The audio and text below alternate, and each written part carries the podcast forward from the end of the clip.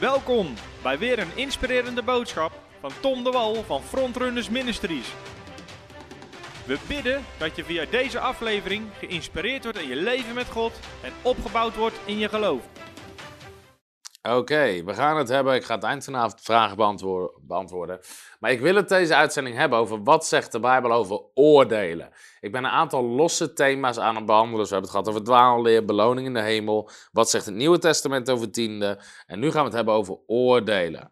Wanneer wel en wanneer niet? Wat zegt de Bijbel er eigenlijk over? Nou, voordat ik. Uh, dus dit is eventjes wat we gaan behandelen. Ik heb ook een PowerPoint zodat je goed kan kan zien, de teksten ook kan lezen. Ehm, dus dit is een beetje wat, wat ik wil behandelen, deze uitzending. Nou, ik denk persoonlijk dat dit een super interessant thema is om eens goed te weten wat zegt de Bijbel hierover.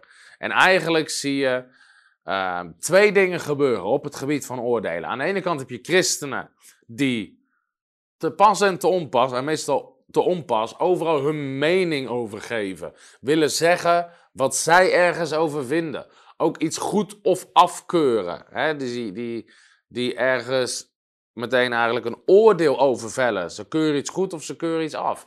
Niet alleen dingen in hun eigen leven, maar levens bij anderen. In wat in andere kerken plaatsvindt. Wat bepaalde sprekers zeggen of doen. Wat bepaalde, weet je, ze hebben overal meteen hun mening over klaar liggen. Daar staan we als Nederlanders ook best wel onbekend. Dat we een hele sterke mening hebben en die ook overal over uiten.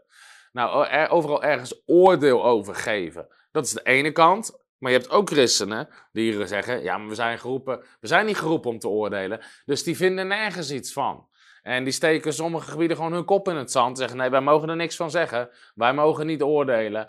En waardoor ook soms gewoon zonde en allerlei dingen kunnen doorwoekeren. Omdat nee, nee, nee, we zijn niet geroepen om te oordelen. Nou, hoe zit dat precies? En ik denk dat het heel belangrijk is om daar eens bijbels gezien naar te kijken. Wat zegt de Bijbel daar nou over? Wat zegt de Bijbel daar nou over? En dus daarom wil ik kijken naar wat is oordelen? Wat zegt de Bijbel erover? Wanneer is het toegestaan om te oordelen? En als je oordeelt, hoe doe je dat dan? Hoe zorg je dat je een goed uh, oordeel velt, als het ware? Ik zie dat Lambert ook de link naar Friesland, de genezingscampagne, in de reacties heeft gezet op YouTube. Kunnen we het ook doen op Facebook? Dus hij komt op YouTube en op Facebook komt hij ook even in de reacties. Nou, laten we maar eens beginnen. Eigenlijk als het gaat om wat is oordelen, dan is dat ergens een oordeel, je goed of je afkeuring overgeven. Eigenlijk um, een mindere of een lichtere variant, maar wat nog steeds oordeel is, is de behoefte hebben om overal jouw mening over te geven. En met jouw mening te hebben wat je er ergens van vindt, of je iets goed vindt, of dat je iets fout vindt. En, en dat is eigenlijk al een oordeel vellen. Is je mening over bepaalde dingen geven. Want vaak in jouw mening zit een oordeel, zit een goedkeuring of zit een afkeuring. Je vindt iets niet goed, je vindt iets fout. Uh, dat is eigenlijk al oordelen. Um, en daarom is oordelen, bijbels gezien, oordelen is eigenlijk rechtspreken. En dat is ook het derde punt wat ik hier heb staan. Oordelen is rechtspreken, want jij spreekt ergens jouw oordeel over uit. Alsof jij iets moet goedkeuren of afkeuren. Dat is, um, dat is eigenlijk allemaal oordelen. Nou, is elke vorm van oordeel fout? Nee, want in sommige gevallen moeten we oordelen. En dat gaan we zo meteen laten zien. Maar wat belangrijk is om te beseffen is, ik heb het hier ook staan, oordelen, bijbels gezien, is onderdeel van rechtspraak als het ware. Je spreekt ergens recht over. Daarom wordt het oordelen in de Bijbel heel vaak aan God overgelaten, want Hij is de rechtvaardige rechter.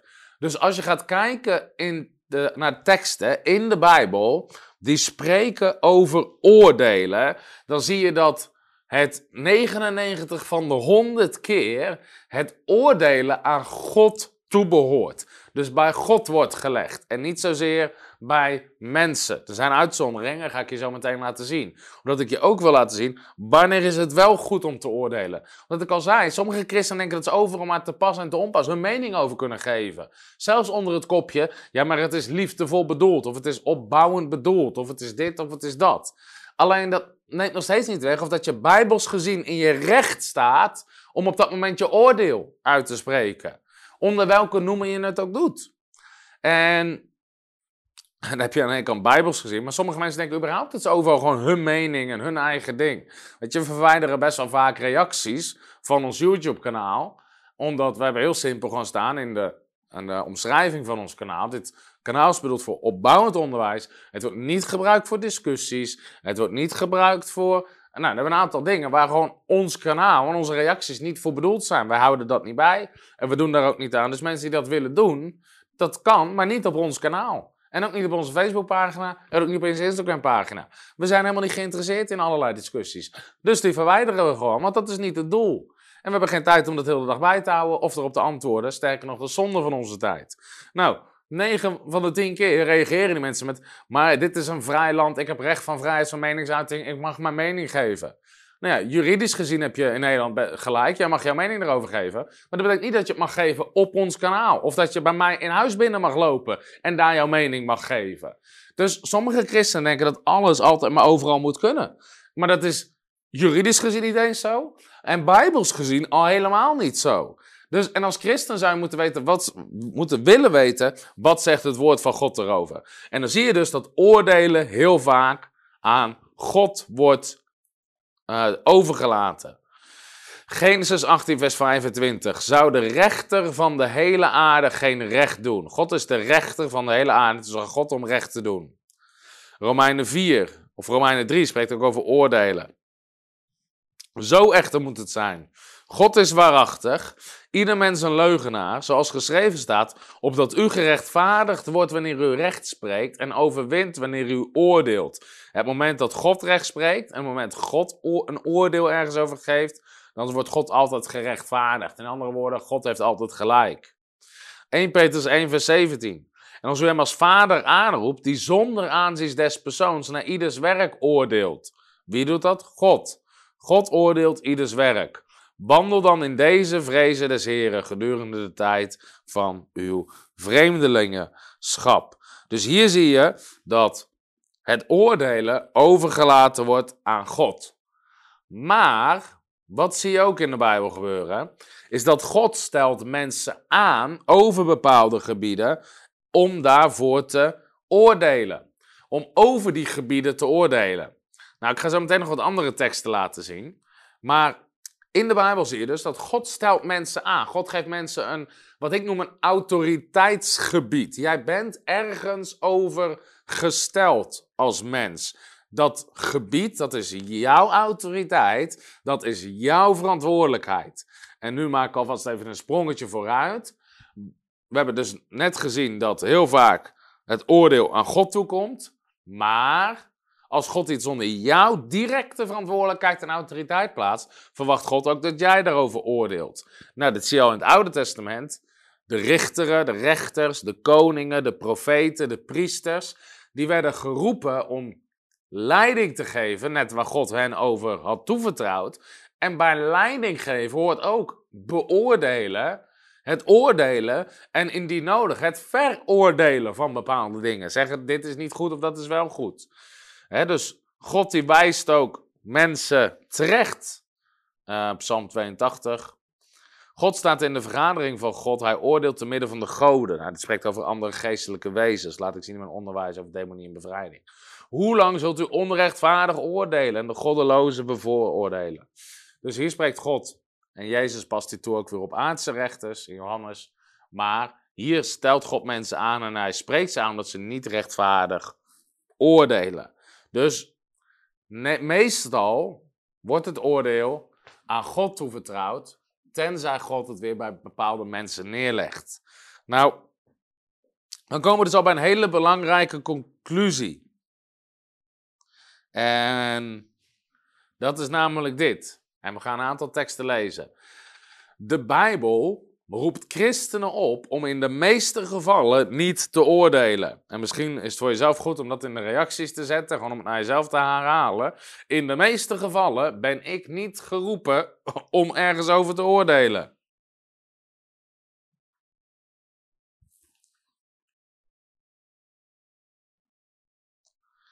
In de meeste gevallen ben ik niet geroepen om ergens over te oordelen. Nou, ik zie sommige mensen zeggen maar het is niet altijd oordelen, soms is het beoordelen of veroordelen. Maar uh, op het moment dat wij iets beoordelen, zeg je vaak ook al dit is goed of dit is fout. En met dat je zegt iets is fout, heb je het ook meteen veroordeeld. Nou, even een aantal teksten. Misschien is dit wel de meest bekende. Matthäus hoofdstuk 7, vers 1. Oordeel niet, zegt Jezus. Waarom niet? Opdat u niet geoordeeld wordt. Want met het oordeel waarmee u oordeelt, zult u zelf ook geoordeeld worden. Nou, dat geldt zowel in de geestelijke als in de natuurlijke wereld. En met welke maat u meet, zal er bij u ook gemeten worden. Waarom ziet u wel de splinter in het oog van uw broeder, maar merkt u de balk in uw eigen oog niet op? Nou, ik denk dit is een valkuil voor ons allemaal. Dat we kunnen soms bij andere mensen heel snel zien wat er niet goed is. En ondertussen hebben we niet door wat we zelf verkeerd doen. Of wat we zelf niet handig doen. En dit herkent misschien iedereen als je het nog praktischer maakt. Je ergert je veel sneller aan de rotzooi van een ander dan aan je eigen rotzooi. Weet je wel, dat merk je, dat merk je bijvoorbeeld in een kantooromgeving al. Of in je huwelijk thuis, weet je wel. Als ik, wij spreken, ik kan met een bewuste gedachte even een kledingstuk ergens neerleggen. Op een kastje of op een stoel. En Femke kan zich eraan ergeren, want die denkt, Tom heeft zijn rotzooi laten slingeren. Ik erger me er niet aan, want dat is mijn eigen shirt. Maar je ergert je sneller aan rotzooi van een ander dan aan je eigen rotzooi. We hebben wat dat betreft, hebben heeft iedereen is daar gevoelig voor dat we best wel snel een grote blinde vlek hebben voor onze eigen dingen. Nou, Jezus weet, weet dat ook. Jezus zegt, oordeel niet, opdat u niet geoordeeld wordt. Want heel vaak zien we de splinter in de oog van een ander. Kunnen we zeggen, joh, laat me eens even hiermee helpen. En, en we beginnen allemaal op kleine dingetjes te fitten. Terwijl Jezus zegt, er zit een balk in je eigen oog. Nou, dat kan dus gebeuren. Je kan zelf iets gigantisch fout doen, het niet doorhebben. En heel veel mensen hebben ook het idee dat ze niks fout kunnen doen, of nooit iets fout doen, maar wel allemaal bij andere mensen de fouten aan zitten te wijzen. En dat is niet de bedoeling, zegt Jezus. Dus Jezus zegt ook: Hoe zult u tegen uw broeder zeggen? Laat toe dat ik de splinter uit uw oog haal en zie er is een balk in uw eigen oog. Huigelaar, haal eerst de balk uit het oog en dan zult u goed kunnen zien om de splinter uit het oog van uw broeder te halen. In andere woorden, Jezus zegt heel duidelijk, oordeel niet. Oordeel niet. Deze is ook heel interessant. Jacobus 4. Broeders, spreek geen kwaad van elkaar. Wie van zijn broeder kwaad spreekt en over zijn broeder oordeelt, met dat jij kwaad spreekt over iemand, oordeel je ook direct iemand spreekt ook kwaad over de wet en oordeelt over de wet. Als over de wet oordeelt, bent u geen dader van de wet, maar een rechter. Nou, wij allemaal als mensen zijn geroepen in de eerste plaats om gewoon een dader te zijn. Om gewoon te doen wat God van ons vraagt. En niet als rechter. Er is één wetgever, namelijk Hij, God, die kan zalig maken en te gronden richten. Maar wie bent u dat u over een ander oordeelt? Wie bent u dat u over een ander oordeelt? Nou, deze vraag, wie bent u, dat u over een ander oordeelt, stel, laat al zien dat of je over een ander mag oordelen, heeft te maken met wie jij bent, of die ander onder jouw directe verantwoordelijkheidsgebied valt. Dus heel vaak, eigenlijk bijna altijd, roept de Bijbel mensen op, Jezus onderwijs over de splinter of de balk in je eigen oog, om in de eerste plaats op jezelf te letten. Waarom? Dat wij allemaal voor onszelf rekenschap moeten afleggen voor de troon van God. 2 Korinthe 5, vers 10. Wij moeten allemaal voor de rechterstoel van Christus openbaar worden. Opdat iedereen vergelding ontvangt wat hij door middel van zijn lichaam gedaan heeft. Het zij goed, het zij kwaad. Dit schrijft Paulus aan de gelovigen. Wij moeten allemaal voor de rechterstoel van Christus openbaar worden. Dus iedereen voor zichzelf. Ieder voor zichzelf. Als jij later staat voor de rechterstoel van Christus, vraagt Jezus niet aan jou: hoe heeft je buurman het gedaan? Hoe heeft je buurvrouw het gedaan? Hoe, wat vond je van broeder Dick? Wat vond je van broeder Piet? Wat vond je van zuster Annie? Wat vond je van die? Wat vond je van die? Nee, hij vraagt naar jou, naar jouzelf. Dus je wordt opgeroepen om op jezelf te letten. Deze tekst ook, ik hoop dat die goed te lezen is thuis, dat die tekst niet te klein is. Maar in Romeinen hoofdstuk 14 gaat Paulus behoorlijk diep in op allerlei meningsverschillen tussen christenen. Meningsverschillen over wat ze wel en niet mochten eten. Of ze wel en niet de Sabbat moesten houden. Over allerlei eigenlijk randzaken rondom het evangelie. En ze hadden ook heel duidelijk een mening over mensen die dingen anders deden dan zij deden. En dan zegt Paulus dit. Wie bent u dat u de huisslaaf van een ander oordeelt? En dan vergelijkt dus een christen met een huisslaaf. We zijn een slaaf van Christus. Of hij staat of hij valt, gaat alleen zijn eigen Heer aan. Wie is dat? Jezus Christus of God. Hij zal echter staande gehouden worden, want God is bemacht hem staande te houden. De een acht de ene dag boven de ander, voor de andere zijn alle dagen gelijk. Laat ieder in zijn eigen geest ten volle overtuigd zijn. Wie de dag in ere houdt, houdt hem in ere voor de Heer. En wie de dag niet in ere houdt, houdt hem niet in ere voor de Heer. Wie eet, eet voor de Heer, want hij dankt God. Wie niet eet, eet niet voor de Heer. En ook hij dankt God. Niemand van ons leeft immers voor zichzelf en niemand sterft voor zichzelf. Want als wij leven, leven wij voor de Heer. En als wij sterven, sterven wij voor de Heer. Of wij dan leven of sterven, wij zijn van de Heer. Want met dit doel is ook Christus gestorven en weer opgestaan, of levend geworden, dat hij zowel de doden als de leven, over de doden en levenden zou heersen. U echter, wat oordeelt u uw broeder? Zie je dit? Christus heerst over de doden en de levenden. Dus Jezus is Heer over iemands leven. Jezus oordeelt. U echter, wat oordeelt u uw broeder? Waarom hou jij je daarmee bezig? Of ook wat minacht uw broeder? Waarom kijk je neer op je broeder of je zuster? Wij zullen immers allemaal voor de rechterstoel van Christus gesteld worden. Want er staat geschreven, zo waar ik leef, zegt de Heer, voor mij zal elke knie zich buigen en elke tong beleiden. En er zal ieder van ons voor zichzelf rekenschap geven aan God. Laten wij dan niet langer elkaar oordelen. Maar oordeel liever dit. Zorg dat je de broeder of zuster geen oorzaak tot aanstoot of tot struikelen geeft. Weer een heel stuk duidelijk onderwijs van Paulus. Allerlei meningsverschillen over randzaken, over welke speciale dag ze houden, wat ze wel en niet eten. En Paulus zegt: stop met oordelen van elkaar en het goed en het afkeuren. Het is Christus die het oordeelt. Weet je, wie bent u, zegt hij dan, um, dat je de slaaf van een ander oordeelt? Weet je, diegene staat niet onder jouw heerschappij. Christus is Heer over zijn leven. Dus het is aan Christus om die persoon te oordelen. Nog meer teksten. Galaten 6, vers 4. Laat ieder zijn eigen werk beproeven. Niet het werk van een ander. Paulus zegt niet, laat ieder het werk van zijn broeder of zijn zuster beproeven. Dat denken sommige christenen. Die zijn altijd druk met wat anderen doen, wat anderen zeggen, wat anderen onderwijzen. Wat er in die kerk gebeurt, wat er in die kerk gebeurt. Maar Paulus zegt, laat ieder zijn eigen werk beproeven. Dan zal hij alleen voor zichzelf stof tot roemen hebben en niet voor de ander. Want ieder zal zijn eigen pak dragen. En anderen worden druk, maak je druk om jezelf. Paulus zegt ook, even hier, vers 5. Oordeel daarom niet voor die tijd totdat de Heere komt. Want hij zal ook wat in de duisternis verborgen zijn licht brengen en de voornemens van het hart openbaar maken. En dan zal God, dan zal ieder van God lof ontvangen. Nou, allerlei teksten over niet oordelen. Dit is de laatste die ik ga lezen. Want dit is een geestelijke les. Daarom met u niet te verschuldigen, o mens, wie u ook bent, die anderen oordeelt. Want waarin u die anderen oordeelt, oordeelt u uzelf.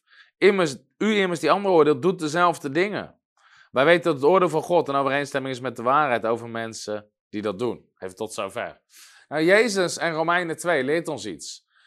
Wie bent u dat u anderen oordeelt? Want mensen die anderen oordelen, doen zelf vaak hetzelfde. Of doen hetzelfde niet als degene die ze oordelen. Dus niet, al, niet altijd, maar heel vaak. Op het moment dat wij wijzen naar de splinter bij een ander, hebben we zelf een balk in ons eigen oog. Op het moment dat wij andere mensen oordelen, doen we zelf dezelfde dingen. En soms zijn we goed om voor onszelf dingen recht te praten. En een simpel voorbeeld, ik moest er even nu aan denken met deze tekst. Jaren geleden, ik heb nu geen persoonlijke Facebook meer, dus ik, ik zie niet wat er allemaal wat er gebeurt. Maar jaren geleden zag ik iemand iets op Facebook zetten over het huis van Joyce Meyer. Dat ze woont in een huis van, weet ik veel, 3 miljoen, ik weet het niet. Iets in die trant. En met een heel bericht erbij. Schandelijk dat Joyce Meyer woont in een huis van 3 miljoen euro. Ze zou de huis moeten verkopen en aan de armen moeten geven.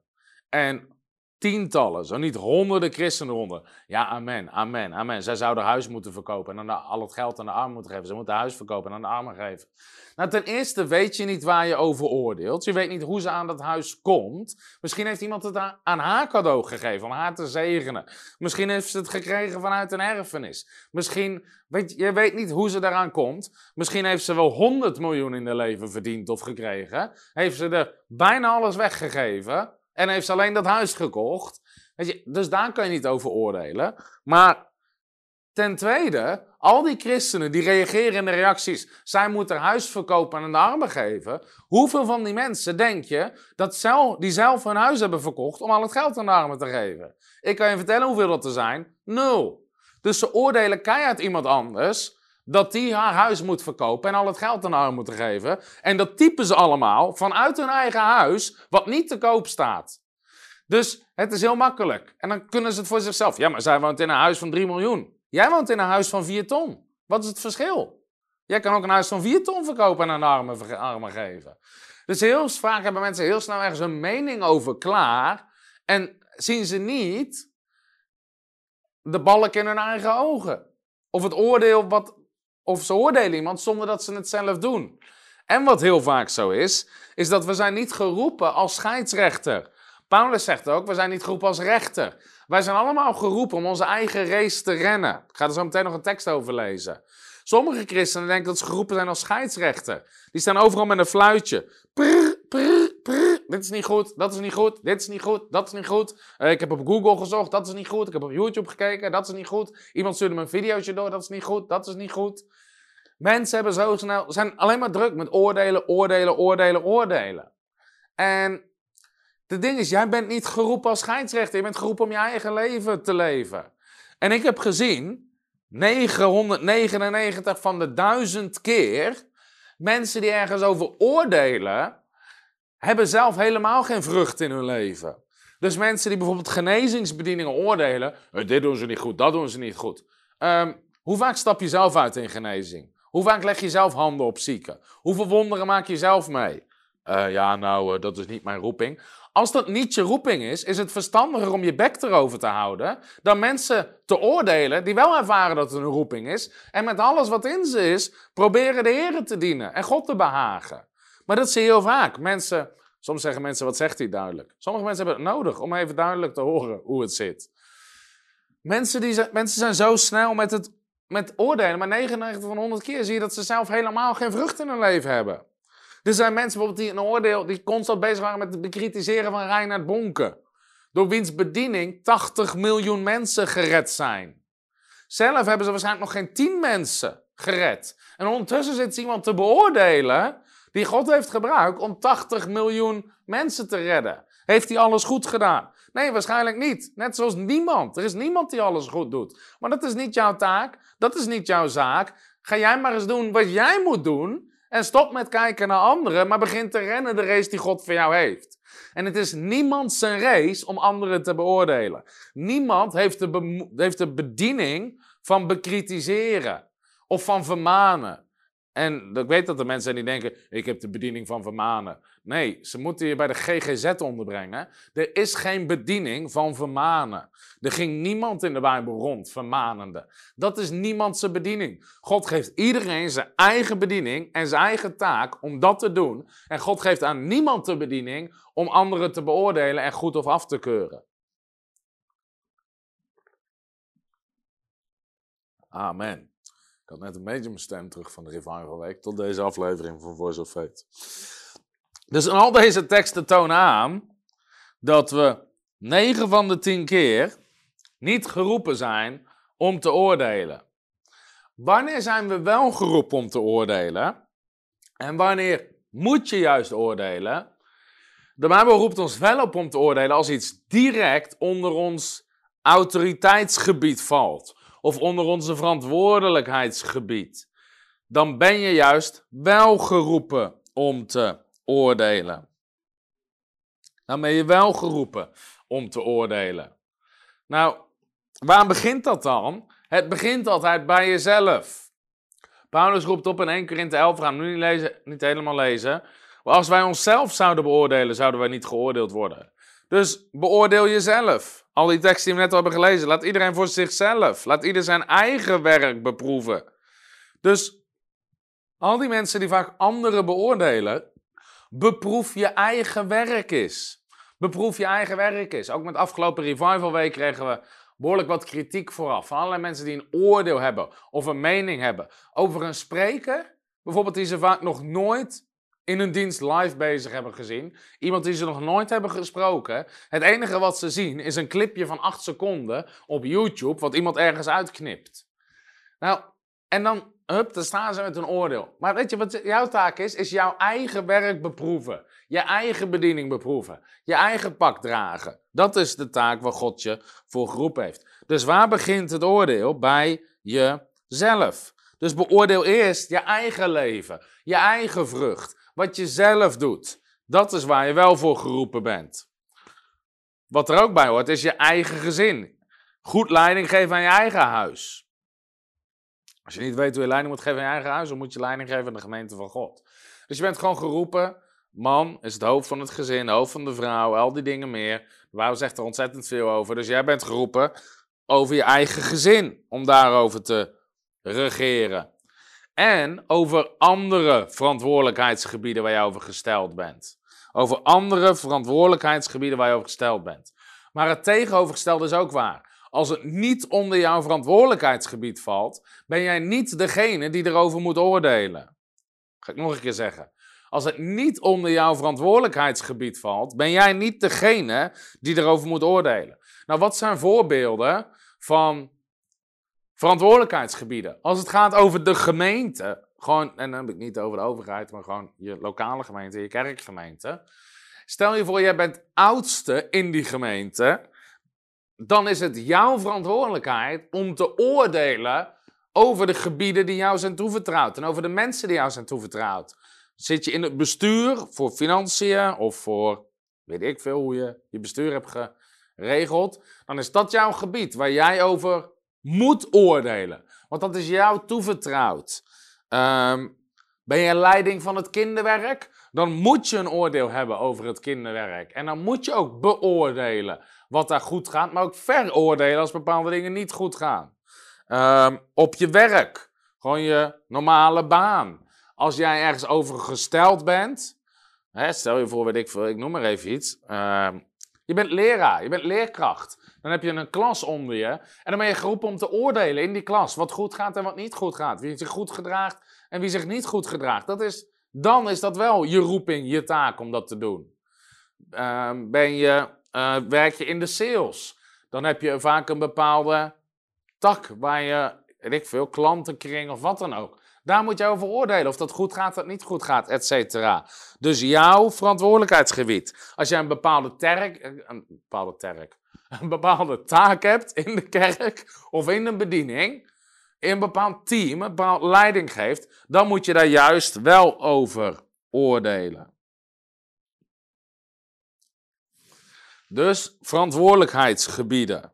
Nou, als iets dus niet jouw directe verantwoordelijkheidsgebied is, ben jij niet geroepen om erover te oordelen, hoe erg je ook denkt gelijk te hebben.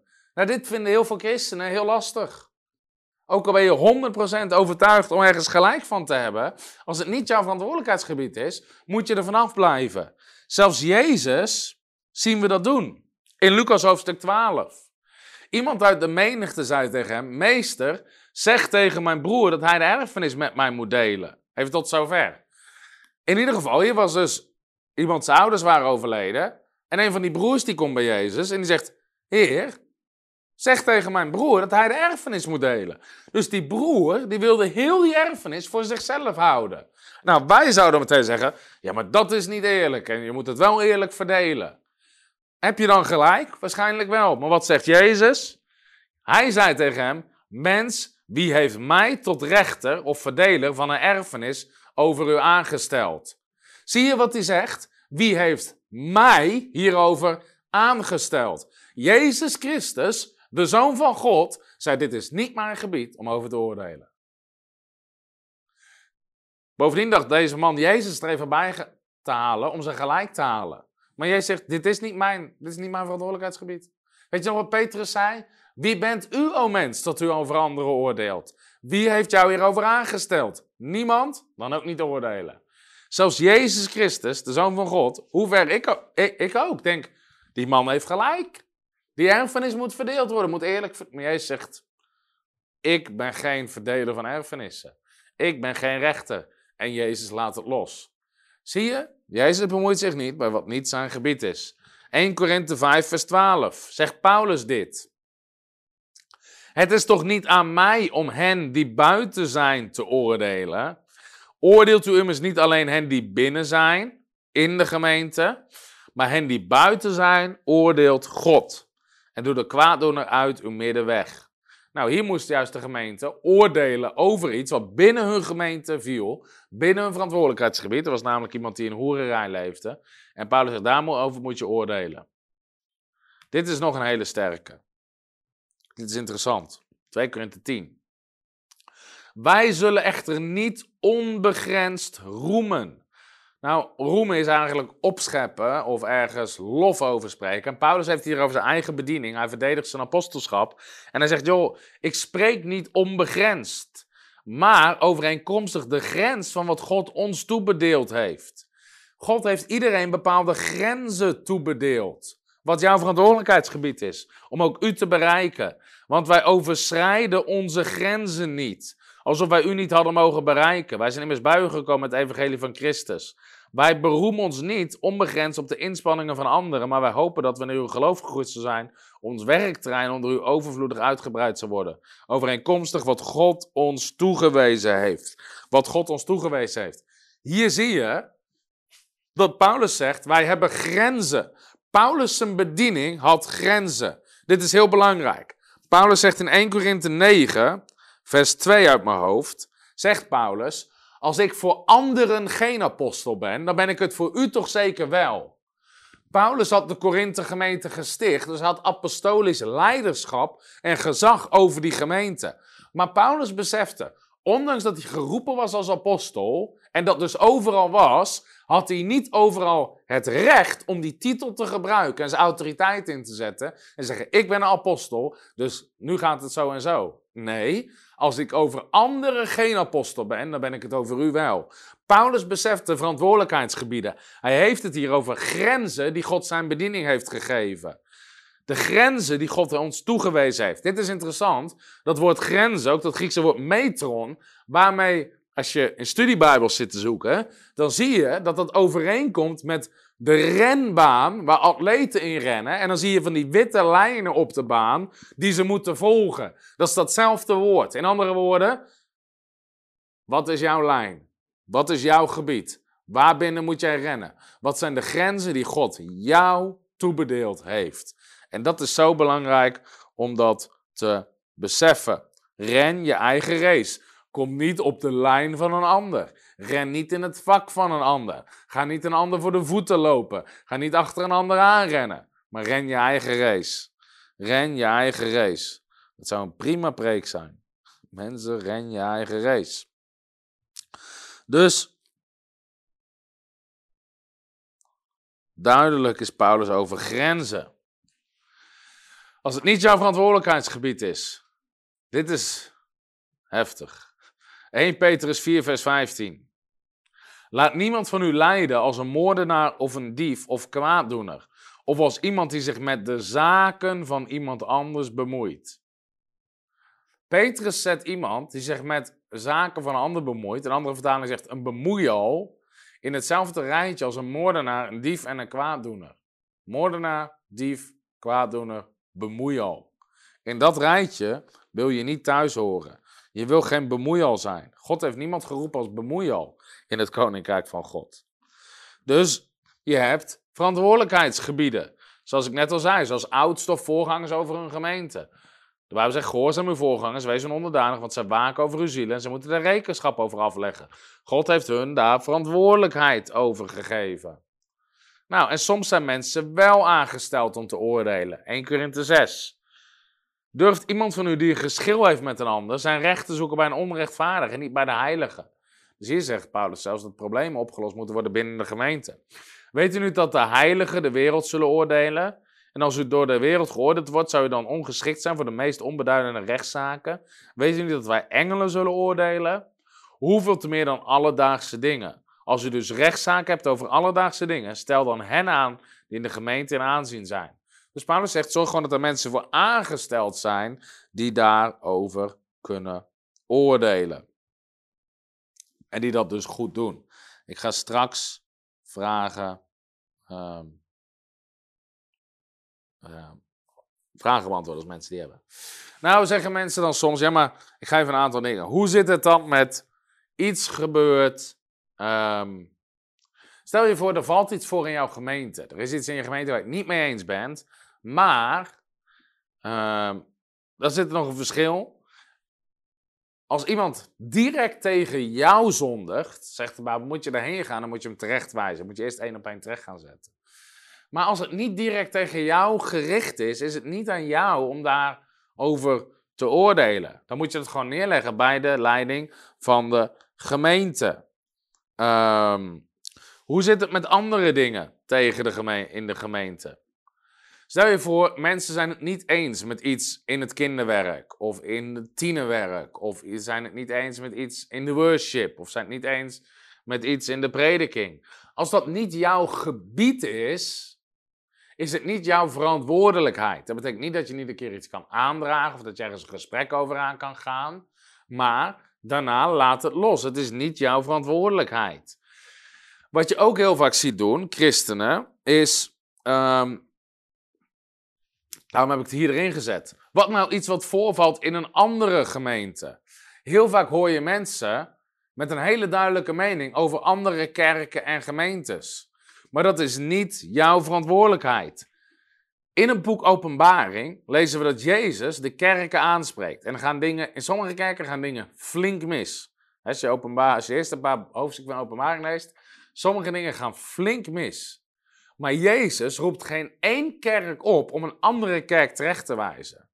Hij brengt het altijd direct naar die gemeente. Dat is hun verantwoordelijkheid. Jezus zegt niet tegen de kerk van Efeze: ga naar Smyrna toe en ga daar, um, ga daar die mensen terecht wijzen. Nee. Dus de kerken die aangesproken worden in openbaring worden geen één keer opgeroepen om iets aan elkaars problemen te doen. Dus dat is belangrijk om dat te beseffen. Nou, ik haal je gewoon even een aantal dingen over aan.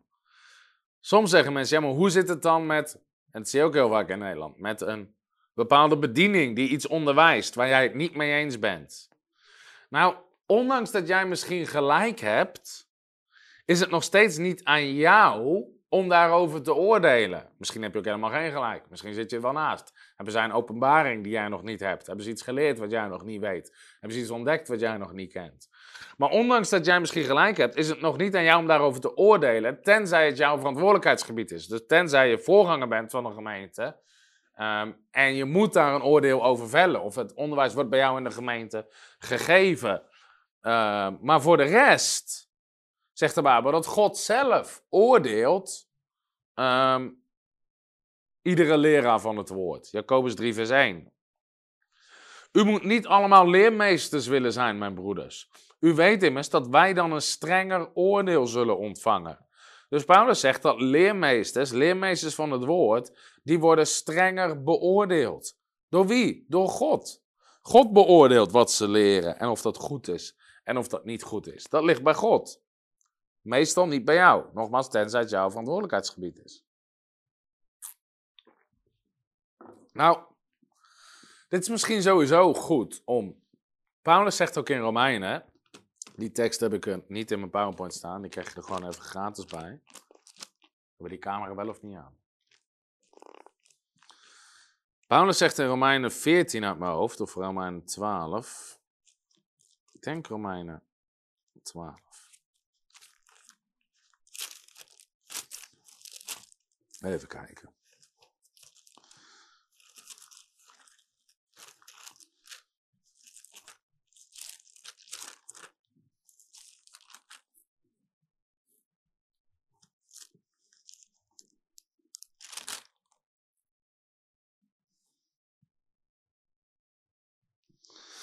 Eens even kijken. Romeinen hoofdstuk 12. Daar zie ik het niet. Staat het in Romeinen hoofdstuk 14.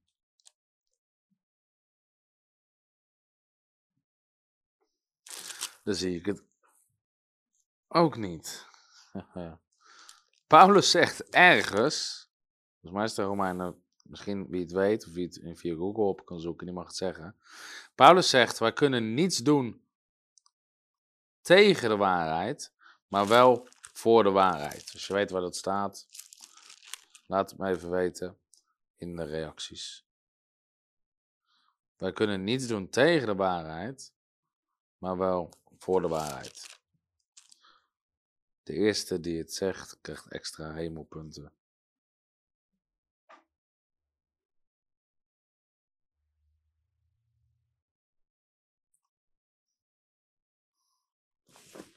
Wie weet het. In ieder geval, mijn punt is laatst is dit. Je moet beseffen, wat is jouw laan? Wat is jouw ding? En bijvoorbeeld een tijd terug, en nog steeds wel, was er een bepaalde hype qua onderwijs in Nederland. En iets wat heel erg opspeelde. Nou, ik ben het heel grondig oneens met wat daar onderwezen wordt. Totdat ik zelfs op het punt kwam dat ik dacht, zal ik gewoon een video maken tegen, gewoon, niet, niet op een persoon in het onderwijs, maar gewoon tegen, om gewoon te laten zien, dit is niet bijbels. Alleen, weet je, ook dat, op dat, dat soort momenten, dankjewel, is het 1 Korinthe 13 vers 8? Nee, volgens mij bedoel ik die allebei niet. 2 Korinthe 13 vers 8. Dat klinkt beter. Ik dacht al, 1 Korinthe 13 kan niet. Het gaat over liefde. Dank jullie wel. Ik zat ernaast. 2 Korinthe 13 vers 8. Ja, daar zegt Paulus. Want wij kunnen niets doen tegen de waarheid, maar wel voor de waarheid. Wij kunnen niets doen tegen de waarheid, maar wel voor de waarheid. Dus ik zat in het twijfelen. Ga ik gewoon een video hier maken, gewoon om te laten zien dat ik niet dat dit niet overeenkomstig het woord van God is. Maar toen dacht ik, nee, ik ga het niet doen.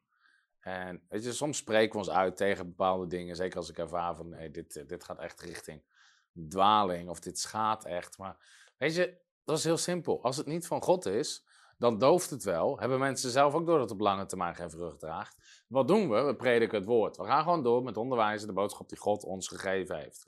We blijven in onze eigen laan. We blijven in onze eigen renbaan rennen.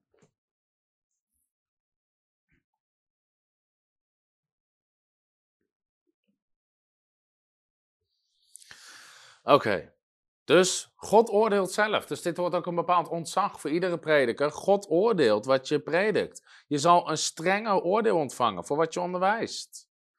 Nou, er zijn heel veel voorbeelden in de Bijbel ook. Ik ga ze nu niet allemaal voorlezen. Maar waarbij mensen ergens een oordeel over uitspraken. Ondanks dat ze gelijk hadden, keurde God het af omdat het niet hun verantwoordelijkheidsgebied is. Een voorbeeld daarvan is nummer 12, vers 1. Mirjam en Aaron, die Mozes aanspraken vanwege een vrouw die hij had, die hij niet mocht hebben. Hadden ze gelijk, ze hadden 100% gelijk. Mozes had geen vrouw mogen hebben die niet uit Israël kwam. En toch oordeelt God Mirjam en Aaron. Als je het verhaal verder leest, God oordeelt Mirjam en Aaron. Waarom? Het was niet aan hun om daarover te beginnen. Het was niet hun taak. Um, Judas en andere teksten, maar goed, ik ga er nu allemaal niet te ver, te diep op in. Want ik wil nog iets anders behandelen. Ik zie hele goede vragen langskomen. Bewaar ze alsjeblieft even tot het eind. Stel ze dan allemaal in één keer, want dan kan ik ze, anders moet ik straks heel ver terug zitten zoeken. En er zitten meer dan 250 mensen te kijken. Dus dan kan ik ze straks allemaal in één keer uh, behandelen. Nou, ik wil dit nog even, hier nog even iets over zeggen. Als jij moet oordelen, hoe doe je dat dan? Hoe doe je dat dan? Jezus zegt dit. Oordeel niet naar wat voor de ogen is, maar wel een rechtvaardig oordeel. Dus als je moet oordelen, wel een rechtvaardig oordeel. Dus stel je voor, dus nu hebben we dus iets valt onder jouw verantwoordelijkheidsgebied. Iets valt onder jouw taak, jouw gebied, jouw autoriteit. Het is onder jou gesteld. Hoe oordeel je dan? Nou, voordat je iets kan oordelen, veroordelen, moet je het eerst beoordelen. En de Bijbel heeft daar een aantal richtlijnen voor, die ontzettend belangrijk zijn. Um, voor um, hiervoor. Dus laten we eens gaan kijken, hoe oordeel je? Nummer 1. Nou, hier heb ik net al over gehad. Het moet direct jouw autoriteitsgebied betreffen als je ergens over wil oordelen of beoordelen. Als het niet jouw autoriteitsgebied is, is het niet aan jou om te beoordelen, laat je het los. Nummer 2. Indien mogelijk moet iets eerst één op één opgelost worden. Jezus, als uw broeder tegen u gezondigd heeft, ga naar hem toe en wijs hem terecht tussen u en u, hem alleen. Als hij naar u luistert, hebt u uw broeder gewonnen. Als hij niet naar u luistert, neem er dan nog twee mee. Dat in de mond van twee of drie getuigen elk woord vaststaat. Als hij niet naar u luistert, zeg het dan tegen de gemeente. Als ook niet naar de gemeente luistert, laat het dan zijn als de heiden of de tollenaar. Als iemand zondigt tegen je, dan moet, nou, dan is dit het proces wat Jezus voorschotelt. Maar indien mogelijk, eerst één op één. Nou, wat, wat, wat, wat is hier belangrijk? Wat leren we hier? Heel vaak hoor je mensen praten over dingen die mensen gezegd hebben, die dingen aangedaan zijn, situaties die gebeurd zijn. Soms dingen die hun niet eens persoonlijk aangaan. Heb je het al gehoord? Heb je het al gehoord?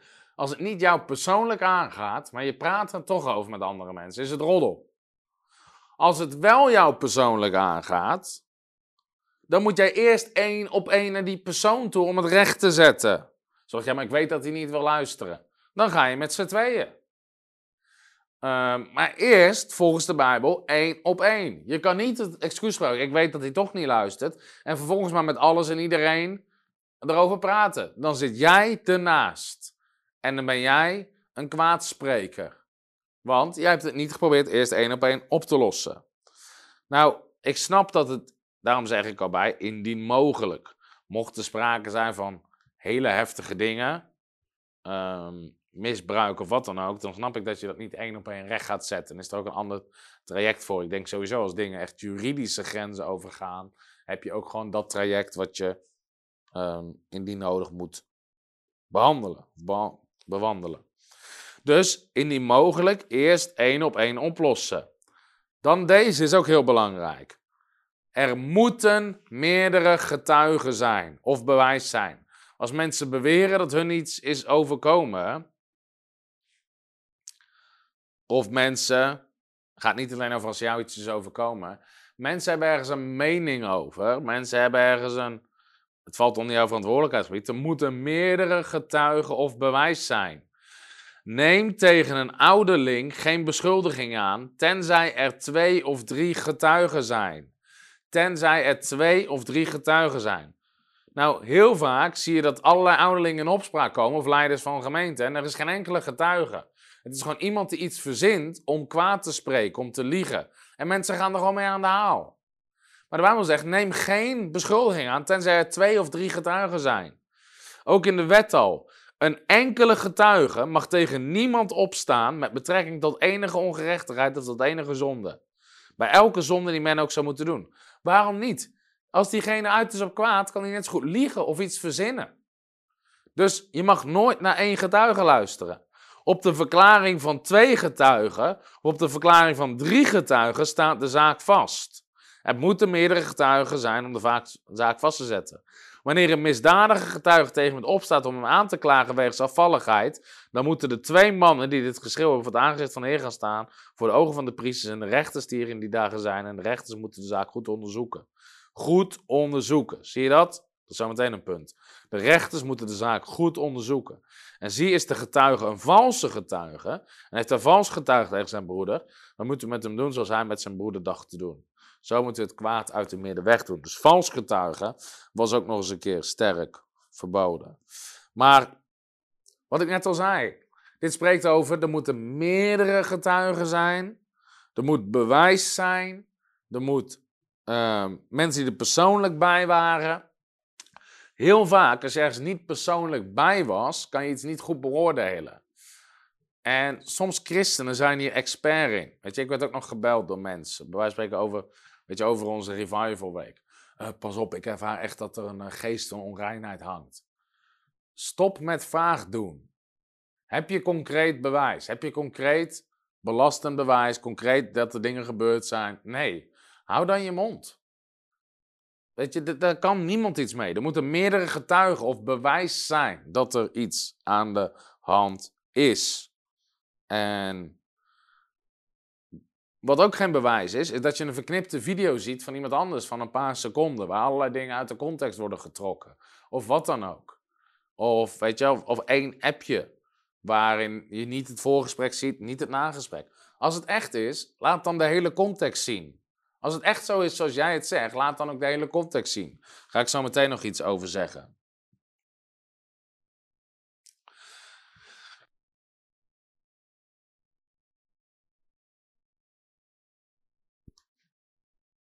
Ja, hij doet het weer. Mijn kastje viel eventjes.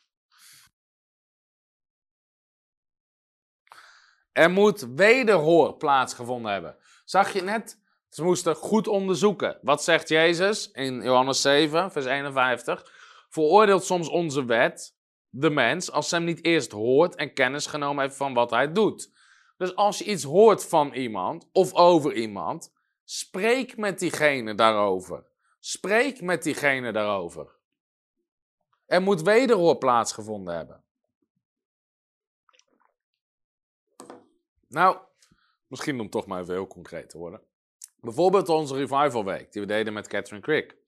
Ehm, heel veel mensen mailden ons, belden ons, dit, dat. Het zou niet goed zijn, zij zou dit zijn, ze zou dat zijn. Vaak het bewijs van mensen was gewoon, het sloeg nergens op. Het waren filmpjes van, van 10 seconden, helemaal uit de context geknipt. Ze werd aangeklaagd voor dingen die zij niet had gedaan met iemand die ze zou kennen. Allemaal verre, vage dingen. Niemand, bijna niemand, die ergens mailde van, ik was erbij, ik heb dit en dit. Nee, altijd, ik heb dit horen zeggen, ik heb dat gezien via die. Iemand zegt dat over haar. En, wat je, maar Bijbel zegt, er moet wederhoor plaatsgevonden hebben. Er moet wederhoor plaatsgevonden hebben. Dus je moet aan iemand kunnen vragen, weet je, hoe zit dit? Waarom is dat zo gegaan? Waarom is dit zo gegaan?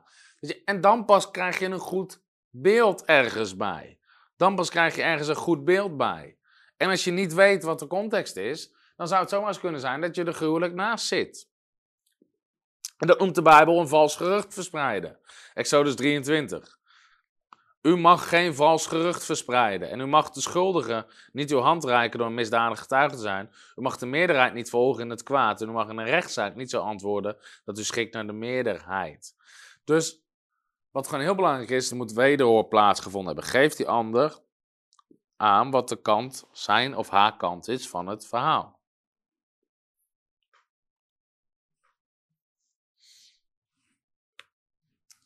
Nummer 5. De context van de situatie moet duidelijk zijn. De context van de situatie moet duidelijk zijn. Jezus zegt: oordeel niet naar wat voor ogen is, maar vuil en rechtvaardig oordeel. Vuil en rechtvaardig oordeel. Dus dit is zo belangrijk. Wat is de context ergens van? In welke context is iets gedaan of gezegd? En daarom zei de Bijbel net ook, je moet iets goed kunnen onderzoeken.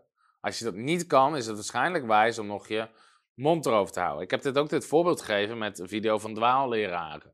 Ik gaf dat voorbeeld van dat ik in Amerika aan het spreken was in een kerk. Ik kom daar voor het eerst, gesproken in die kerk, prima dienst, goede dienst. En uiteindelijk zegt die voorganger van die gemeente, die zegt, uh, nou, kom voorin staan en uh, we willen je zegenen. Dus ik moet daar voorin staan voor het podium. En hij pakt zijn Bijbel, hij leest voor handelingen, ik denk hoofdstuk 6 of zo, 5. over de mensen en ze legden het geld aan de voeten van de apostelen. En hij zegt, kom op, dit gaan we doen. We gaan, weet je, we gaan een zegen meegeven. En iedereen in de kerk kwam zijn geld voor me aan mijn voeten leggen. Nou, op dat moment kan je al door de grond zakken. Je weet niet waar je moet kijken. Je voelt je zeker als Nederlander ontzettend awkward. Dat al die mensen met een buiging hun geld, het, geld voor hun voeten leggen. Weet je, als mensen daar foto's of video's van hadden gemaakt, hadden ze kunnen zeggen. Weet je, dan krijg je de wildste verhalen. Tom de Wal mensen geld aan hun voeten leggen. Mensen moeten hem aan bidden. Mensen dit, mensen dat. Terwijl de waarheid is, ik wilde daar niet staan. Ik had het ook totaal niet verwacht. Je weet niet eens wat je overkomt. Het liefste loop je weg. Alleen, uh, dat is blijkbaar hoe die voorganger gewend was om offers op te halen voor gastsprekers in zijn kerk. En heel die kerk vond het heel normaal. Nou, zonder van of dat goed of fout is, kunnen mensen, als je dat vreemd, als je daar alleen maar één beeld van pakt, kunnen ze daar allerlei dingen van zeggen, maken, vinden en de wereld inslingeren. Hetzelfde verhaal, sommige culturen, als je ergens spreekt, vallen mensen letterlijk voor je op de knieën en, en weet je, beginnen je voor ons gevoel bijna te aanbidden. Weet je, die spreken met je vanaf hun knieën. Nou, dat is niet mijn gewoonte. Ik hou er ook niet van. Dus wat ik doe, of ik zeg: kom op, sta op, sta op. Of ik ga naast ze knielen. Eén van de twee. Maar ik wil niet dat mensen voor me knielen. Maar wij spreken als mensen alleen die paar, die, eerste paar seconden. En je ziet dat mensen op hun knieën vallen voor je. Voor je het weet gaan er allerlei dingen de wereld in. Tom de Wal, mensen knielen voor hem, dit, dat, zus, zo. En er zijn allerlei mensen die er compleet mee aan de haal gaan, die het geloven, zonder dat ze ergens een context van kennen. Dus Um, weet je, dat is zo belangrijk. Mensen hebben zo snel ergens een oordeel over. Mijn vader vertelde het, het, het dorp waar hij vroeger opgroeide. De dominee van die kerk, en dat was een traditionele kerk, die reed een hele mooie Mercedes E-klasse. En heel veel mensen uit het dorp hadden een mening erover. Hoe kan die dominee nou een Mercedes E-klasse rijden? Hoe kan dit? En weet je, dure auto's. Mercedes E-klasse, gigantisch dure auto's. En iedereen had er een mening over. Mensen gingen uit de kerk, mensen dit, mensen dat. Weet je, totdat mijn vader gewoon eens ernaar vroeg. Bij die man. En die man vertelde van, joh, weet je, ik heb zo lang gedroomd van, weet je, hij vond het zo'n mooie auto, weet ik veel, een zescilinder, dit, dat. En die man vertelde, joh, weet je, ik kon het nooit betalen, maar een tijdje terug zijn mijn ouders overleden. Ik heb erfenis gekregen en ik wist, weet je, dit is mijn enige kans in mijn leven om dit ooit te kunnen doen. Dus die man heeft gewoon van zijn eigen geld, gewoon van erfenis die hij zelf gekregen heeft, volledig zijn eigen geld, waarmee vrij staat om te doen wat hij wil. Hij kan er een huis van kopen, hij kan er een auto van kopen, hij kan van alles doen. Koos hij ervoor om daarvan een auto te kopen, om daarvan te genieten, omdat hij wist, dit is de enige kans die ik, die ik ga krijgen in mijn leven waarschijnlijk. En die man deed dat. En iedereen had het er een oordeel over. Was het niet de dominee geweest, had gewoon de bakker of de slager of weet ik veel, iemand anders in een Mercedes E-klas gereden, was er niks aan de hand. Wanneer het de dominee was, vond iedereen er iets van. En dan zie je hoe snel mensen klaarstaan om ergens over te oordelen. En mensen die meteen ergens een mening over hebben. Meteen hoe allerlei verhalen de, rondgaan. En um, dan, dan is dat gewoon zo belangrijk om dat wel of niet te kunnen doen. Soms is het juist zelfs zo dat religieuze mensen ergens moeite mee hebben vanuit een bepaald perspectief. Dus een voorbeeld, een van mijn beste vrienden is autohandelaren. Uh, dus heeft een autobedrijf. Dus heel vaak als ik op zondag moet spreken, rijdt hij en pakken we ook een auto die hij toevallig heeft staan. Dus een tijd terug ook had hij een hele snelle raceauto staan met een felle kleur, 700 pk. Weet je, is niet mijn auto. Dus ik had gewoon een berichtje, nog in een berichtje stond. Dit is niet mijn auto, maar vandaag leuk, we gaan met deze auto. Allerlei mensen, zie je het geld van de offers heen gaan, dit, dat, zus, zo. Moet je laten zien hoeveel geld je hebt. Mensen beginnen, terwijl in de reacties nog staat, gaat in het bericht zelf. En mensen beginnen meteen een mening, een oordeel, veroordelen, al die dingen meer. En het grappige was dus, allerlei christenen hadden daar moeite mee. Het grappige was, ik reed naar die dienst toe waar ik moest spreken. En ik spreek daar naar die dienst. Iemand die die dag zijn leven aan Jezus geeft. Iemand die totaal geen kerkelijke achtergrond heeft. Die gewoon uit de wereld komt een succesvolle ondernemer was in de wereld. Dus helemaal geen kerkelijke religieuze achtergrond. En na de dienst sta ik met hem te praten, toevallig buiten bij de deur. En hij zegt, oh man, gave auto, wat een mooie dikke auto heb je. Dit is echt een mooi ding. En, weet je, en ik zei tegen hem, joh, het is niet mijn auto. Oh, oh, wat jammer, zegt hij. Weet je, gewoon een niet-religieus persoon die het fantastisch vindt, terwijl alle christenen er een mening over hebben.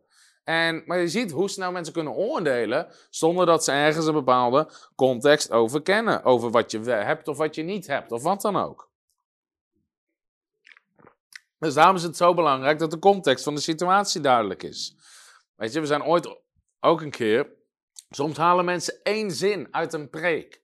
En op basis daarvan branden ze je helemaal af. En ik geef soms ik geef gewoon concrete voorbeelden, omdat mensen hiermee te maken krijgen. Ik heb ooit gepreekt, en die preek staat nog steeds online. Het is ook gewoon een goede preek. Ehm, het ging over vergeving van zonde. En ik zei in die preek, op het moment dat jij iemand zijn zonde vergeeft, dus iemand doet jou iets aan, iemand benadeelt jou. Laat ik me even, ik ga gewoon een concreet voor. Stel je voor, iemand leent 100 euro van mij. Zegt Tom, ik heb 100 euro nodig bij mijn 100 euro lenen. Je krijgt het volgende week terug. Ik heb het nu nodig. Boodschappen doen voor mijn kinderen. Ik weet niet. Stel je voor, ik zeg, oké, is goed, ik leen jou die 100 euro.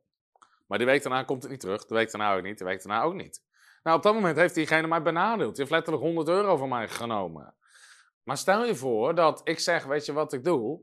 Ik vergeef diegene daarvoor. Ik vergeef diegene, ik laat het los. Ik hoef het geld ook niet meer terug. Ik laat het gewoon los.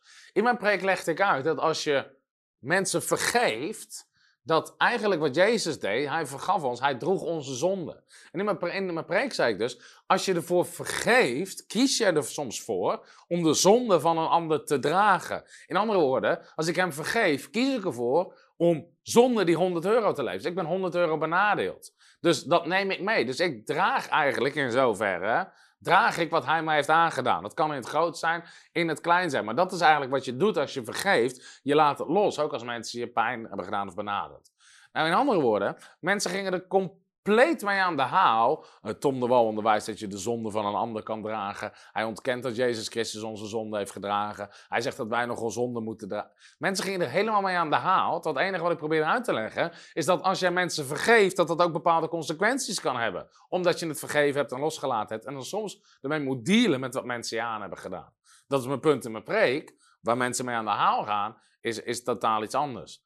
En hoe makkelijk mensen erin meegaan. Weet je, meteen beginnen van alles en nog wat. Zonder dat ze gewoon eens luisteren. Wat is er eigenlijk gezegd in de preek? Wat was eigenlijk de context van een bepaalde zin? Of wat dan ook. En dan zie je gewoon hoe belangrijk het is dat mensen dingen luisteren in de context. En zo kan ik voorbeeld na voorbeeld geven. Ik ga zo meteen vragen beantwoorden. Want ik zie dat er heel veel mensen vragen hebben. En nummer 6. Nummer 6. Het oordeel moet zijn tot genade, barmhartigheid en herstel. Dus als je ergens over moet oordelen, dan is het doel daarvan om ehm, het, doel van oordelen of corrigeren is niet om te straffen. Dus christen ben je niet geroepen om iemand te straffen. Je bent, wat je wil is iemand herstellen.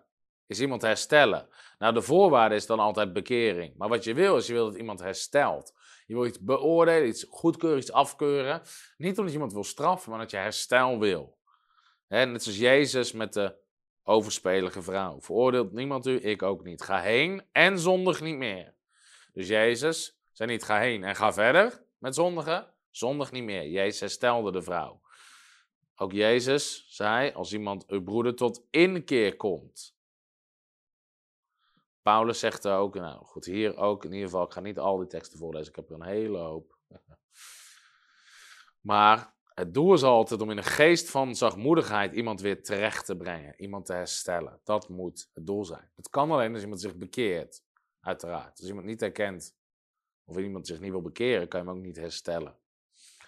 Uiteindelijk, wat nou als iemand zich niet bekeert, of iemand heeft je wel pijn aangedaan, laat het oordeel de wraak over aan God. Of als iets niet jouw verantwoordelijkheidsgebied is. Vergeld niemand kwaad met kwaad. Zie je, wij zijn niet goed om te straffen. Dus als iemand jou straf, iets aandoet, is niet toen dat je iets terug gaat aandoen. Wees bedacht op wat goed is voor alle mensen. Leef zo mogelijk van zover het van u afhangt in vrede met alle mensen. Wreek uzelf niet, geliefde, maar laat ruimte voor de toren. Want er staat geschreven: Mij komt de wraak toe, ik zal het vergelden, zegt de Heer. God komt de wraak toe, God zal het vergelden. Hebreeën 10, vers 30 zegt hetzelfde. En deze teksten ook. Paulus zegt, Alexander de kopersmid heeft mij veel kwaad aangedaan. Maar de Heere zal hem vergelden naar zijn werken. Oké. Tot zover over als je dan moet oordelen, hoe doe je dat? Nou, als dit je gezegend heeft, laat eens even weten in de reacties of het je gezegend heeft. En ik ga nu vragen beantwoorden. Dus um, En uiteraard, ik heb het hier net niet ingezet, maar dus tot herstel betekent ook vanuit liefde. Liefde is je motivatie. De Bijbel zegt, spreek de waarheid in liefde. Dus het Engels zegt dan, don't love to speak the truth, but speak the truth in love. Even kijken. Iemand zegt, wederhoor is vaak lastig, omdat mensen zichzelf te belangrijk vinden en dat ze niet met je in gesprek kan komen. Zoals bijvoorbeeld Bill Johnson. Dus dan kan je niet aan wederhoor doen. Oké, ik ga wat direct zijn met je. Je spreekt al een oordeel uit hier. Je zegt namelijk, wederhoor is lastig, omdat mensen zichzelf te belangrijk vinden. Nou, de vraag is, vindt Bill Johnson zichzelf te belangrijk? Of heeft Bill Johnson 300.000 mensen die hem vragen willen stellen, is het gewoon praktisch gezien onmogelijk. Dus snap je, als we niet oppassen. Hè, het, Tom, mensen kunnen het ook over mij zeggen. Uh, Tom was na een dienst meteen weg. Hij vindt zichzelf veel te belangrijk om te praten met andere mensen. Nee, heeft er niks mee te maken. De reden dat ik vaak meteen weg ben na een dienst, net zoals met een revival week, is omdat we in die week nog twintig andere diensten doen waar ik ook moet spreken. Ik überhaupt maar vier uur per nacht slaap. Mijn gezin me ook nodig heeft. Als ik dan ook nog iedereen moet spreken, van die duizend mensen die mij willen spreken, dan blijft er gewoon simpelweg geen, geen minuut over om te slapen. is gewoon niet haalbaar. Dus dan moet je bepaalde dingen doen. Nou, de vraag is ook, als iemand niet in de gelegenheid is voor wederhoor met jou, ben jij dan degene die geroepen is om hun terecht te wijzen of om hun vragen te stellen? Want blijkbaar sta je niet in relatie met hun. En dat is ook nog wel een sleutel. Sta je in relatie met bepaalde mensen? Als je in relatie staat, dan is het ook al veel eerder je positie om iemand aan te spreken. Of heb je veel eerder de juiste houding om iemand aan te spreken. Omdat, en dat geldt ook voor iedereen, je bent niet geroepen om naar iedere, ik zou maar zeggen, gek te luisteren die iets tegen jou wil zeggen. Want diegene is helemaal niet in jouw leven gebracht daarvoor. De Bijbel spreekt ook over een veelheid van raadgevers. Dus je moet kiezen welke raadgevers je hebt in je leven en wie niet. En niet iedereen met een mening of iemand die iets tegen jou wil zeggen ergens over, is daarvoor in jouw leven gebracht. Dus de sleutel is heel vaak relatie en met welke houding. Zegt iemand iets omdat hij in je gelooft, omdat hij je verder wil helpen en omdat iemand je kent. En je dus ook die inspraak geeft in je leven. Als het goed is bij bepaalde vriendschappen, bepaalde raadgevers, bepaalde relaties die je hebt, man, vrouw, voorganger, dat, dat soort relaties. Als je op die manier met elkaar in relatie staat, dan is er altijd ruimte voor wederhoor. Dus als je zegt, als er geen gelegenheid is voor wederhoor, dan is de vraag, ben jij wel degene die dat had moeten doen? Of is er geen relatie en is dat dus ook niet jouw taak in, in zijn of haar leven? Dus ook met bijvoorbeeld, ik pak weer even op met Catherine. Heel veel mensen waarschuwen ons voor Catherine. Maar je mag vertrouwen erop dat ik ben enorm zuinig op ons platform wie er een microfoon krijgt, wie we laten spreken. Omdat dat is mijn verantwoordelijkheidsgebied. Dus mensen kunnen er ook, en dan kunnen ze zeggen, ja, maar ik kan Catherine niet één op één spreken. Jij niet, maar ik wel. En reken er maar op dat ik dat doe voor de diensten. Om dingen af te stemmen. En ik durf dus ook te zeggen dat tijdens de hele Revival Week, waar ik heel blij mee ben, gewoon ook vanaf het podium, is er niks geweest waar mensen kritiek op kunnen hebben. Het onderwijs was simpel, krachtig, eenvoudig. Het verhoogde Jezus. Het was gewoon, was, was niks op aan te merken. In persoonlijke omgang ook niet. Dus sommige mensen, weet je, die, die zeggen, ja, maar ik kan, ik kan niet eerst met haar, ik kan haar dit of dat niet vragen. Nee, maar je mag er wel op vertrouwen dat degene die je uitnodigt, als het goed is, want dat is op dat moment mijn verantwoordelijkheidsgebied.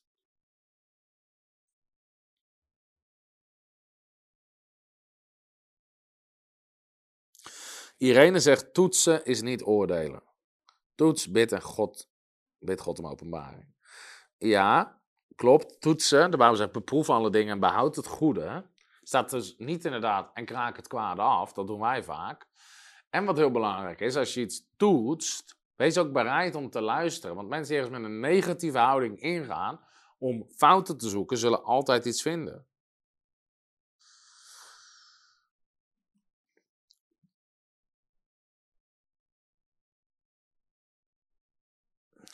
Kijk, ik denk, Jane, dat dit gewoon jouw persoonlijke probleem is. Want nu zeg je, het valt me op dat je vaak thema's hebt om jezelf voordeel te geven of te beschermen. Tiende en nu weer oordelen. Dus uiteindelijk oordeel je nu. Je zegt dus nu tegen mij, Tom, je preekt alleen maar dingen die jouzelf beter afmaken. Zoals tiende en oordelen. Dus je zit helemaal met de verkeerde hartsgesteldheid te luisteren.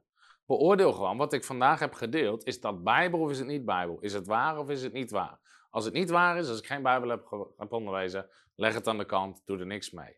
Als het wel waar is, praktiseer het in je leven. Maar blijkbaar ben je niet bereid, wat ik nu zie in je reactie, om dat te doen. Want je zit er manieren te zoeken om het te verdedigen. En het grappige bijvoorbeeld, het onderwijs van tiende, is dat mensen zeggen, ja, Tom onderwijs tiende omdat hij meer inkomsten nodig heeft. Nou, het grappige is dat ten eerste is dat 0,0 motivatie voor mij om tiende te onderwijzen. Want we hebben altijd al tiende onderwezen. Toen ik jeugdleider was in de kerk onderwees ik tiende. Kreeg ik er geen euro van. Maar een heel klein gedeelte van onze inkomsten van frontrunners bestaat uit tiende. Want heel veel mensen geven, ook gewoon goed en gelukkig, gewoon een tiende aan een lokale gemeente. We onderwijzen ook niet dat mensen het aan ons moeten geven. Dus heel veel mensen nemen een oordeel ergens over aan, terwijl het gewoon niet waar is.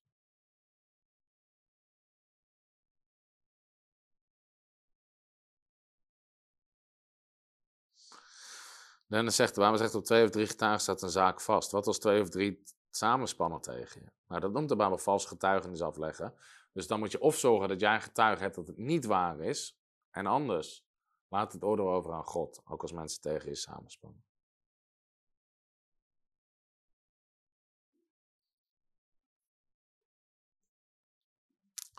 Ellen Nudim vraagt, is New Apostolic Reformation vals? Maar ik wil je sowieso even uitnodigen om mijn laatste video te kijken. Wat zegt de Bijbel over dwaalleraren en valse profeten? Wat ik keer op keer zeg, en wat ik ook nu ga zeggen, is pas enorm op met ergens labels opplakken. Waar we vaak van houden is een bepaald label. Iemand is, boom, label Word of Faith. Iemand is, boom, New Apostolic Reformation. Iemand is um, Kingdom Now. En met dat je ergens een label opplakt, ga je vervolgens schieten. Weet je, ik zeg het eigenlijk, je stopt eerst iets in een hokje. Bijvoorbeeld, je zegt Tom de Wal is Kingdom Now. Je stopt maar eerst in een hokje wat je zelf hebt gecreëerd, Kingdom Now. Vervolgens gaan mensen erop schieten en ze schieten altijd raak. Dit is bijvoorbeeld echt hilarisch, want heel veel mensen zeggen, ja, Tom de Wal is Kingdom Now. En de eerste keer dat ik dacht, wat is Kingdom Now? Ik ging lezen op internet wat Kingdom Now is. Ik denk, joh, weet je, verreweg het meeste van geloof ik totaal niet. Gewoon, is gewoon niet wat ik geloof. Maar mensen, boem, plakken het label op je. En vervolgens schieten ze erop. Dus ik wil je sowieso aanmoedigen, blijf weg van labels. Denk niet in labels en karikaturen. Laten we nou juist even al die kerkmuren en denominaties laten vallen. Luister gewoon naar wat mensen onderwijzen. Pak je de Bijbel erbij. Is er dit wat de Bijbel onderwijst? Dan neem je het aan als waarheid. Zon en wat voor label je er ook aan hangt.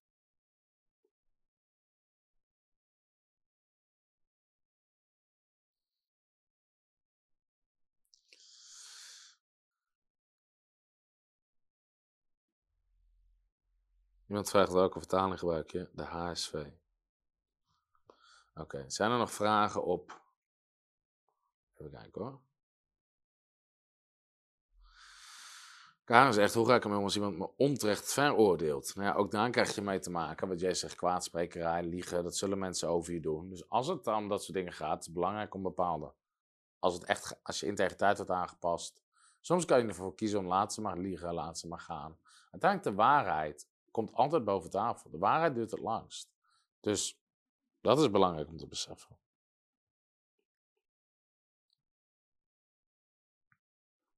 Zijn er nog meer vragen?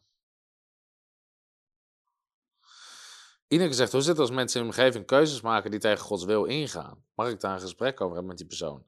Dat kan absoluut. de Bijbel spreekt ook over mensen terechtwijzen, je broeders of je zusters. Ehm, dus vanuit een geest van zachtmoedigheid is dat absoluut goed. En zeker als je in relatie staat met elkaar. Daarom is dat, misschien dat niet zo heel goed nog behandeld, maar relatie is een sleutelwoord. Relatie is een sleutelwoord. Dat, uh, kijk, bijvoorbeeld als een wildvreemde op straat naar mij toe komt en iets zegt of iets vindt, de kans dat je daarnaar luistert is heel klein, want diegene kent jou niet. Maar als mijn vrouw naar me toe komt, of een van mijn beste vrienden naar me toe komt, of mijn voorganger naar me toe komt, of wat dan ook, dan heb je een hele andere relatie, een hele andere houding en verhouding met elkaar. Dus ook als je mensen kent, kan je zeker wel bepaalde dingen aanspreken. En zeker als mensen je ook die, soms die positie geven in hun leven. Hè? En iets vragen aan je. Dus dat is, daarom is relatie zo ontzettend belangrijk. Prijs God voor Vicky, die gedoopt is in water en de doop in de Heilige Geest.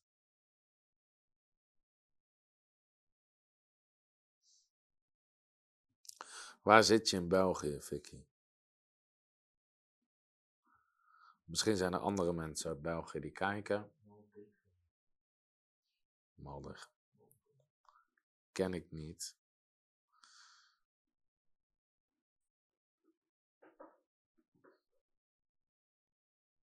Ehm, maar goed, misschien zijn er christenen die kijken. En ehm, laten we het zo doen. Vicky, als je ons een mail stuurt naar info.frontrunnersministries.nl en zeg even, ik ben Vicky, ik kijk naar Voice of Fate en dan komt in Maldegem. Of Maldegem of Maldegem, ik weet niet hoe je het zegt. En als er andere christenen zijn die dit kijken en je kijkt ook uit die buurt, stuur ons ook een mail naar info.frontrunnersministries.nl en dan brengen we je met elkaar in contact. Dit doen we normaal niet, maar wil ik doen voor je.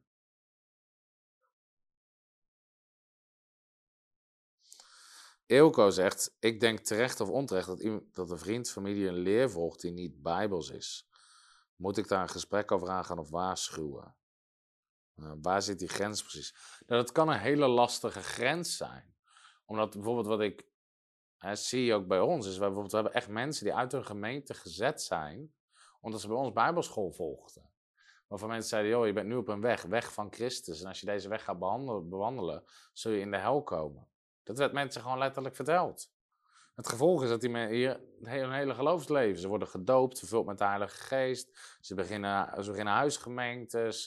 weet je, ze komen gewoon in de roeping van God op hun leven. Maar toen werd verteld dat dat is een dwaalleer bij frontrunners. En als je die weg gaat bewandelen, zal je uiteindelijk in de hel uitkomen. Nou, ik heb heel vaak mensen gehoord die dat zeggen over, over wat we onderwijzen. Dus um, als mensen iets geloven. Kijk, als je nogmaals, als het gewoon goede vrienden zijn, dan kan je altijd in gesprek als het goed is. Um, maar, maar anders laat het gewoon los. Laat het gewoon los. Doe wat jij moet doen. En als jij vrucht hebt in je leven, dat is heel belangrijk. Dan zullen mensen vanzelf naar je luisteren of vragen stellen.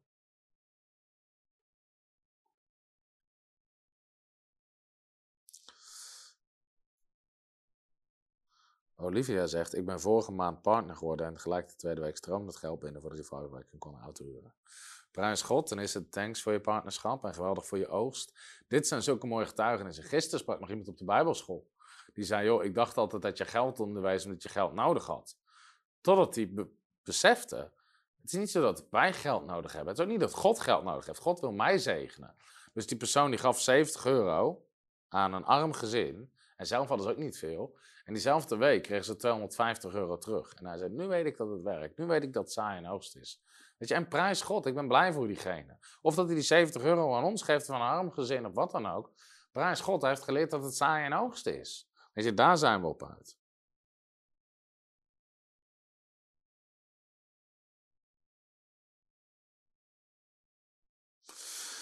Iemand zegt, mijn zus gaat al jaren niet meer naar de kerk, maar heeft over alles een mening, vaak negatief. Hoe kan ik het beste met haar omgaan? Nou, weet je, soms is het ook gewoon goed om dingen bespreekbaar te maken. Dat zegt van, joh, lieverd, je kiest ervoor om niet meer naar de kerk te gaan. Je hebt wel over alles en nog wat een mening. Dingen waar je vaak niet bij bent, waar ook niet vanaf weet. Uh, ten eerste denk ik dat het niet handig is. Ten tweede wordt onze relatie er niet beter voor. Dus zullen we gewoon kiezen om dat helemaal links te laten liggen. Soms door gewoon dingen openbaar te maken en te bespreken, zeggen mensen: Weet je wat, je hebt gelijk, de relatie wordt er niet beter door, laten we er gewoon over ophouden. En soms is het daardoor al gewoon opgelost. Hoe kan het dat een ouderling niet beschuldigd mag worden? Nou, dat is niet alleen een ouderling. Eigenlijk tegen niemand mag een beschuldiging aangenomen worden, tenzij twee of drie getuigen. Wat als iemand pijn deed waar niemand bij aanwezig was, het ene woord tegen het ander? Dan laat het los en laat de wraak over aan God. Laat het aan God over. Dus ondanks dat je gelijk hebt, laat het over en laat het los.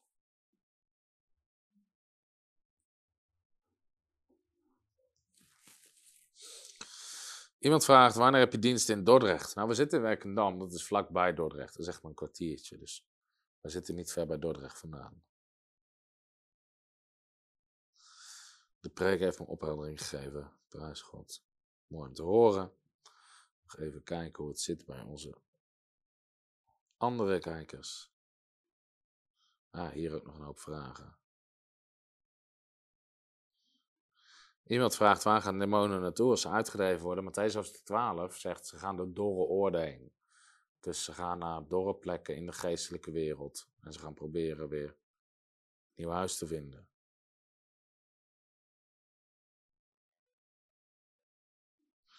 Iemand zegt, ik ben sinds kort diaan en loop tegen allerlei dingen aan. Er is veel moed en weinig ruimte voor mijn mening en gevoel. Nou, ik zou zeggen, eerst dien met alles wat je hebt. Laat eerst je dienstbaarheid zien. En kijk dan of er ruimte komt om dingen te verbeteren. En ook met welke, eh, met welke hartsgesteldheid. En soms hoe je dingen zegt, kan je ook leren. Hoe je communiceert, zodat mensen dingen aannemen soms die je zegt.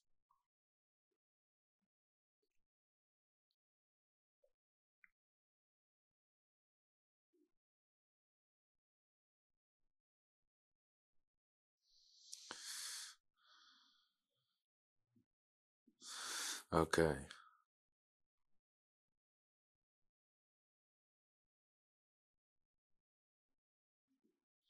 Mensen vragen ook over familieleden of als ze denken dat ze overspel plegen. Kijk, als je bewijs hebt, dan moet je ook gewoon met mensen in gesprek gaan, uiteraard. Dus als iemand niet in gesprek wil, is vaak ook al een teken. Want vaak als, als je niks te verbergen hebt, is het ook niet erg om in gesprek te gaan.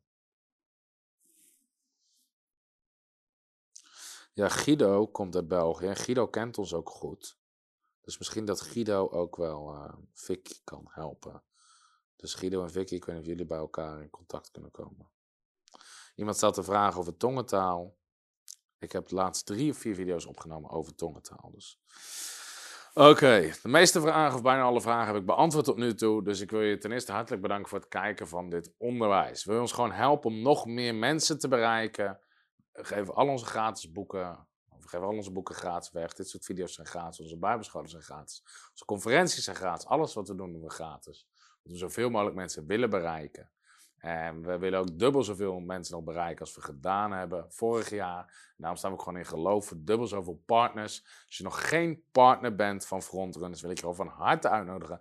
Word partner van Frontrunners. Bouw maandelijks mee. Je deelt in de vrucht. Je bent aan het zaaien, dus je zal ook gaan oogsten. En samen bouwen we het Koninkrijk van God. Als je nog geen partner bent, ga naar frontrunnersministries.nl slash partners. Verder hoop ik ook veel van jullie te zien in Drachten tijdens de genezingsdienst. En we gaan gewoon zoveel machtige en grote dingen zien die God gaat doen in dit land. Bedankt voor het kijken. God zegen. En tot de volgende keer. Hallo, Tom de Wol hier en bedankt dat je weer geluisterd hebt naar onze podcast. Ik bid dat het je geloof gebouwd heeft en je bemoedigd bent. Als je niet alleen een luisteraar van onze boodschap wil zijn, maar ook een verspreider daarvan, wil ik je uitnodigen om partner te worden van Frontrunners. Door jouw maandelijkse donatie help je ons om dit evangelie van Jezus Christus en het woord van God over heel de aarde te brengen. Om partner te worden, ga naar www.frontrunnersministries.nl slash partners en word partner. Hartelijk bedankt en tot snel. Heb je ook zo genoten van deze inspirerende boodschap van Tom de Wal? Abonneer je dan op deze podcast. Volg ons op Facebook en op Instagram en kijk op onze website frontrunnersministries.nl.